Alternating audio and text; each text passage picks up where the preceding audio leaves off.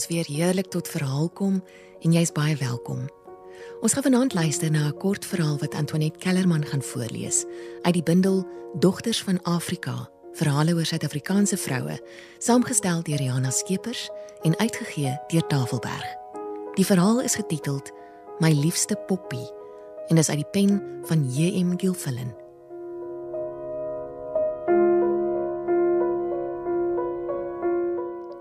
Toe Hendrik Taljaard daardie middag die boodskap kry dat Pop hom wil sien, het hy nie eens opgekyk van die vonkprop waarmee hy besig was nie. Hy het net dieper oor die enjin gebuk en sorgvuldig sy werk klaar gemaak. Eers toe hy sy hande aan 'n flenter handdoek skoonvee, het hy na sy suster Letta gekyk sonder om te laat blyk dat hy haar gehoor het.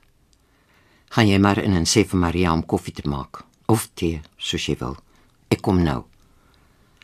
Hy gemaak eers die werfhek toe wat Letta laat oop lê het en verwiller die makoue uit die lappie kool voordat hy kom buis toe stap om warm water te skep vir sy hande waarin die kries nog sit. In die voorhuis skryf Letta besig om stoelkussings uit te klop. Aan die manier waarop sy werk, kan hy sommer sien dat sy besig is om driftig te raak. Die huiskorte vrouehand van pop weg is verwaarloos als en sy trek vieserig aan 'n bondeltjie stofdons wat teen haar rok vasklou. "Tog kom ons klaar," sê Hendrik, terwyl hy tydsaam sy pyp begin te stop. Hy vra haar uit oor Frans se swaar en oor hulle boerdery 'n ent verder langs die grootpad. Terwyl sy kla oor die melkpryse en oor die onbetroubaarheid van werkers, is sy gedagtes by Pop. Hy wonder waar Letta haar raakgeloop het. Of sou sy by hulle wees? Hy laat Letta maar praat. Dalk laat val sy weer iets oor pop. Maar sy suster is uitgepraat oor boerdery sake. En waar is Sissie dan?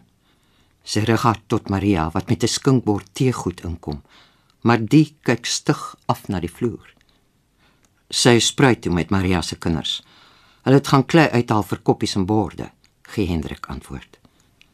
Letta roer haar tee dat die lepeltjies se fyn geklingel teen die koppie die enigste geluid in die stil voorkamer is.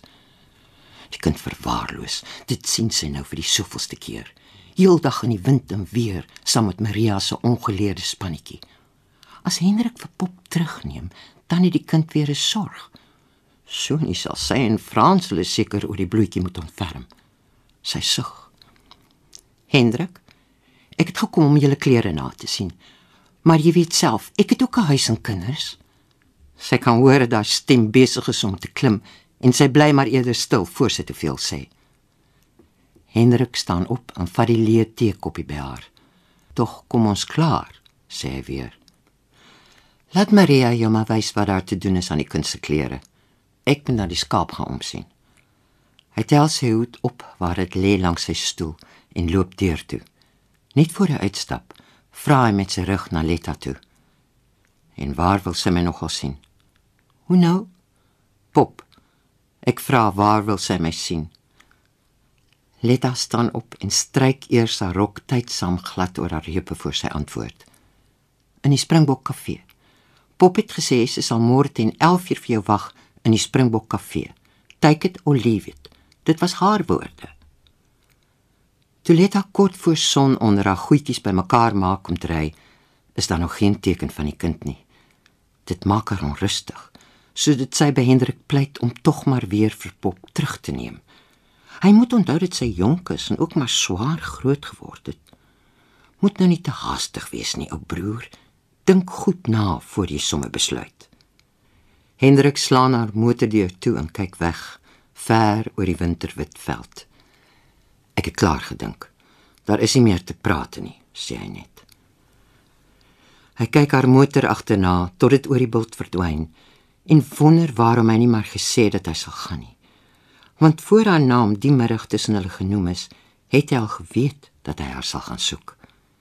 Een of ander tyd sal hy gaan soek tot hy haar kry. Hy het net nooit kon dink dat dit sy sal wees wat terugkom nie. Môre om 11:00 in die Springbok kafee, het Letta gesê. Die wilde vreugde wat sy suster se woorde in hom losgemaak het, wil nie heeltemal gaan lê toe hy sy kind van die spruitse kant af sien aankom nie. Maria het al die lamp in die kombuis aangesteek toe die kind moeg en beteuterd inkom. Sy gooi warm water in die sinkbaadjie vir Sissie se arms en bene. Onthou om parafienvet aan te smeer, sê Hendrik terwyl hy die maar kinderbeentjies betrag. Hy is maar bly dat Letta reeds weg is, want opeens sien hy sy kind deur haar oë. Sy lyk inderdaad vuil en verwaarloos en dit hinder hom skielik dat sy so aan Maria vasklou. Toe nou, dis genoeg. Gaan trek aan jou nagrok. En erglik teenoor die swart vrou. Wat staan jy so? Jy moet vroeër loop saans. Dis nie nodig om vir die kind te wag nie. Ek kan haar ook was. Die volgende môre is Hendrik nog vroeër as gewoonlik op. Hy verskree die werkers by die stal en jaag Vanjan aan om die bakkie te kom was. Hy verwens die jammerlike feit dat hy nie 'n motor het nie. Vir pop moes 'n man in 'n motor kon gaan haal. 'n Winkelnuwe chef met vlerke wat blink in die son en vere wat vlieg oor die plaaspad. Toe hy sy flanelbroek vir Maria gee om te pas, is dit vir hom asof sy haar kop skud en haar oë kyk by syne verby. Toe sy dit later by die slaapkamer kom afgee. Maar miskien verbeel hy hom maar. Wat sal sy tog weet? Hy kan net sowel na die prokureur of dokter op pad wees. Sissie kom in terwyl hy skeer. "Gaan ons dorp toe, papi?" Hy is ergelik sonder dat hy weet waarom. "Nee, ons gaan nie, ek gaan. Jy bly hier en jy bly in die huis. Maria moet jou hare was, dan maak jy dit voor die stoof droog. En trek tog een van die rokkies aan wat tant Letty gister jou gemaak het." Die teleurstelling in die kind se gesig laat hom byvoeg. Ek bring vir jou 'n mooi lint en van die toffies waarvoor jy so lief is. Terwyl hy naskeer water oor sy gesig plas en sy das sorgvuldig knoop, is hy bewus van die kind se oë op hom.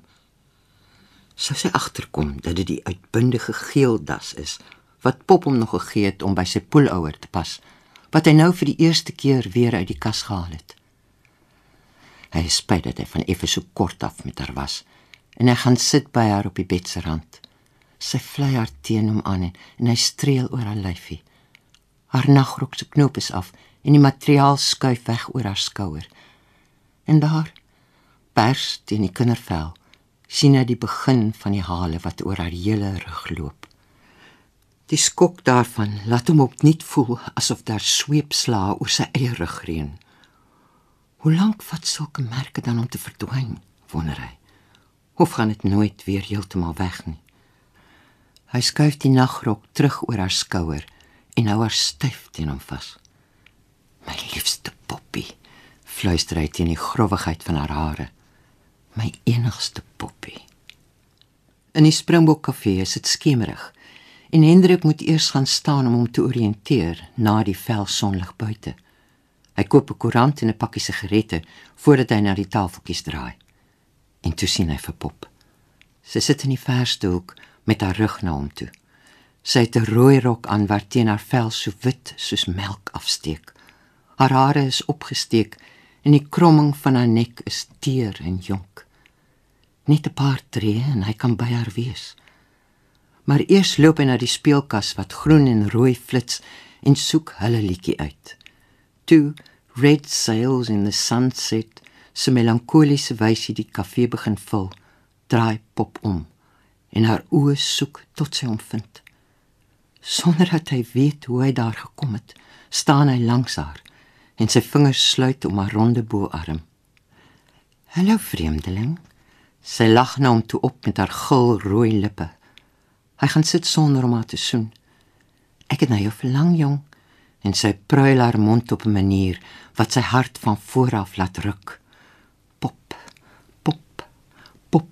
klop dit deur hom, maar hy sê niks. Hy sit net daar en kyk asof hy nooit genoeg sal kry nie. En sy kyk terug met haar ligblou oë waar hy die speelsheid weg is. En sy raak hom omdat sy vreemd weerloos is, so met haar stil gesig waar hy die lewe en die betowering vir die oomblik verdwyn het. Hy sien nou duidelik dat haar neus te breed is om mooi te wees en dat haar hare onnatuurlik wit is soos dor wintergras. Hy sien soos 'n wurm onder haar vel die letsel wat sy as kind opgedoen het. Met die kombuisstoel man, want my pa was woes as hy gedrink het, onthou hy weer haar stem toe sy vinger die eerste keer die merkteken nagetrek het. En hy voel dieselfde jammerte as wat hy die oggend vir sy kind gehad het. Pop se oë sak eerste en hy sien hoe 'n spiertjie langs haar mondhoek begin trek. "Is jy nog kwaad vir my?" Haar stem is eil soos 'n dogtertjie se en sy sit en draai en draai aan wat hulle trouring moet wees. Hy wil afseker dat hy nie kwaad is nie, nooit weer sal wees nie, maar eers moet hy oor Sissie praat. Terwyl hy nog wonder oor hoe hy dit die beste sal kan doen, skuif sy nader sodat hy knieë onder die tafel raak. En met haar linkerhand begin sy streel oor sy dui. Die reuk van haar poeier so betowerend naby en haar vreemde ligblou oë in syne. En uiteindelik is dit sy wat praat. Sy beloof van nooit en nooit weer nie en sy vertel van die tyd in Johannesburg en van die aaklige salon waar sy werk gekry het. Net om hare te was, verbeel jou, sy wat hier op die dorp al die pumps gegee het. Hendrik sit en verkyk om aan haar wanneer sy praat en veral wanneer sy gelukkig is, is sy een en al betowering. Dit is asof haar melkwit vel deurgloei is met lig en haar vreemde ligte oë straal om tegemoet. Met een of met albei hande streel sy oor sy been, sy hand, sy wang. Hy kan nie dink hoe hy haar ooit weggejaag het nie. Weggejaag. Die gedagte laat hom in een krimp dis so goed of hy sy eie weerlose kind by die deur uitgestuur. Dis al verby die middaguur toe hulle gearmd by die kafee uitstap. Hendrik is bewus van die ander se oë op pop en ek kan hom goed voorstel hoe sy van agter lyk in haar nou sluitende rooi rok met die donker kouse en hoë polvy skoene en daardie effense swaai stap van haar. Pop, my poppie, dink hy en hy lag af in haar blye oë. Dis byna sluitingstyd wanneer hulle uit die winkels kom, moeg gekoop. Daar het lokke uit pop se haarnaalde ontsnap en dit omring haar gesig soos 'n stralekrans. Sy is nog opgewonde oor die nuwe klere wat sy gekry het en sy skuif teen Hendrik vas in die bakkie. "Dankie jong," fluister sy, haar hand hoog teen sy been. Hulle ry die paar myl plaas toe sonder om veel te praat. Hendrik is skaars bewus van die bekende landskap waaroor die skaduwees nou lank en koud lê. Die bloedwarm mens teen sy skouer klop saam met sy hartklop en die winternag lyk vir hom vol van belofte. Die kombuislamp brand in die donker huis en Hendrik kan Sissie by die onderdeur sien staan toe hulle by die werfhek inry. Vir die eerste keer dink hy weer aan die lint en die lekkers wat hy beloof het en hy voel skuldig oor al die papiersakke agter op die bakkie. 'n Volgende keer kry Sissie weer, beloof hy homself en bring die bakkie vlak by die agterdeur tot stilstand. Die kind kom uitgehardloop, maar toe sy vir Pop sien, steek sy vas. Hendrik vererg hom. "Kom, groet vir mammie," sê hy en skrik vir die barsheid in sy stem. Pop sit haar arms om die kind wat styf en ontoegeeflik bly staan. "Sissie, ons gaan lekker speel, jong. Toe nou, kom soen vir Pop." en sy buik af oor die kind wat gehoorsaam haar kop oplig, maar dadelik na die groet terugvlug in die warm kombuis in. Die tafel is gedek vir twee. Sissie staan styf teen Maria wat nog by die opwasbak toenig is en dit lyk asof sy wil huil. Hendrik is kwaad en smyt 'n papiersak op die tafel neer. "Wat maak jy nog hier, Maria? Het ek nie gesê jy moet vroeër loop nie?" Die swart vrou maak saggies die kind se hande los wat aan haar rok vasklem. "Ek kom môre weer," glimlag sy vir Sissie en tree oor die drempel die nag in. Saam met Pop kom haar lewe in die stil kombuis. Sy lig die deksels van die kospotte af. Ag nee, nie vanaand al mieliegrys en sout ribbietjie nie. Vanaand gaan ons vier. Of hoe sê jy, Sissie? Sy gryp die kind om die lyf en wielie walie met haar oor die vloer. Vir Hendrik is pynlik om te sien hoe styf en sonder plesier die kind haar laat meevoer. "Haal jy vir ons 'n goeie tafeldoek uit, sussie?" En Pop pluk die geruite kletjie af. Sy soek kersse in die kombuislaai en maak hulle staan in twee pierings. En toe begin sy uitpak. Pelonie, weense worsies, tomatiesous, blikkies bone en asperges, sardientjies en champagne. Sy laat Hendrik die nuwe glase uitspoel en sy lag uitgelaat het toe 'n prop tot teen die plafon skiet. Dis vir Hendrik heerlik om haar so vrolik te sien en hy probeer vergeet van die kind wat eenkant staan met haar oë groot en donker in die smal gesiggie. "Gee vir die kind kos," sê hy na sy tweede glas champagne, sodat sy kan gaan slaap. Hy voel ongemaklik met Pop wat op sy skoot sit en saam met sy glas drink onder die ernstige oë van sy dogtertjie. Dit irriteer hom dat sy soos 'n waspop langs die stoof bly staan, sonder om te roer, net met die twee oë soos donker gate in haar kop. Pop skep 'n bord vol winkelkos en roep die kind nader.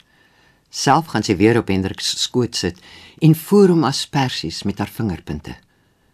Van die champagne het daar 'n rooskleurige lig onder haar vel begin gloei en haar hare wat nou heeltemal los hang, laat haar broos en weerloos lyk. Kompleet 'n engel, dink Hendrik, en hy gee hom oor aan haar betowering. En toe klop Vanjan aan die kombuisdeur. Of Hendrik sal kom kyk. Daar is 'n ooi wat lyk of sy vrekte het. Hy staan te sinnig op en soek 'n lantern in die kombuiskas. Ek is nou terug, sê hy en sy lang gestalte buk uit onder die agterdeur. Met eens is dit stil in die kombuis. Pop skink vir haar nog champagne in en sy dra na die kind. "En waarom eet jy nie? Is Pop se kos is nie so lekker soos Maria se nie." Die kind kyk af op haar bord en steek 'n stukkie pelonie in haar mond. Die ongewone winkelkos word dik in haar keel en sy sit maar weer stil met haar hande in haar skoot gevou. Pop drink die champagne teegie vir teegie terwyl haar ligte oë op die kind bly. "Toe, eet," bors sy. Sissie bly doodstil sit en sukkel om haar trane weg te sluk. "Kyk vir my." Pop weet dat sy nou op gevaarlike terrein is, maar die champagne het haar bloed warm gemaak en daar is 'n ou opstand na teen die kind wat Hendriksen is, maar so anders is as hy. Ek sien jy is nog maar altyd 'n ou chunk palie sê sy toe die kind uiteindelik haar oë lig. Asof pop jou sal opvreet. Nou eet jy die kossies alles op en dan mag jy gaan slaap.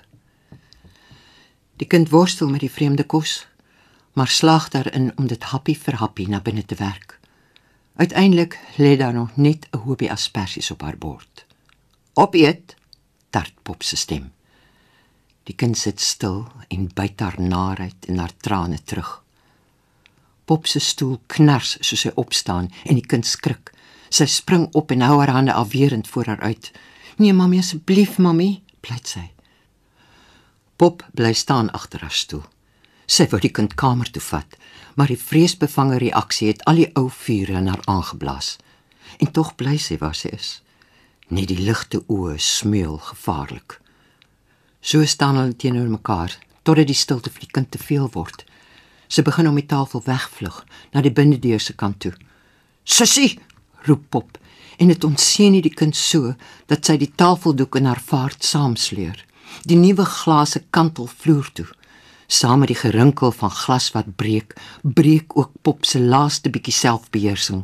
Haar oë is 'n wit vuur toe sy sonder om te kyk, haar hand uitsteek na die sambok wat altyd agter die kombuisdeur hang waar Hendrik gebuk sit oor die siek skaap, hoor hy sy kind se eerste hoë gil.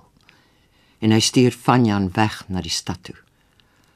Hy los die ooi en die doseermiddel net daar en stap weg om die kraal die nag in. Hy wil nie hoor nie. Hy mag nie hoor nie. Hy loop en loop net en dink aan Pop se melkwit skouers en gladde rug. Hy struikel oor 'n klip. En toe hoor hy 'n jong kapokhaantjie hortend kraai. Hy wonder dof weg deur sy eie pyn. Waarom hy honder dan so buitens tyds is.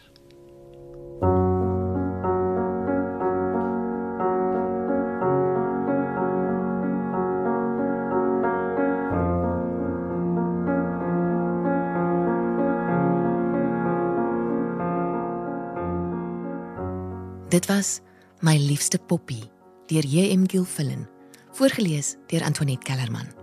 'n Mooi aand vir jou. Tot volgende keer.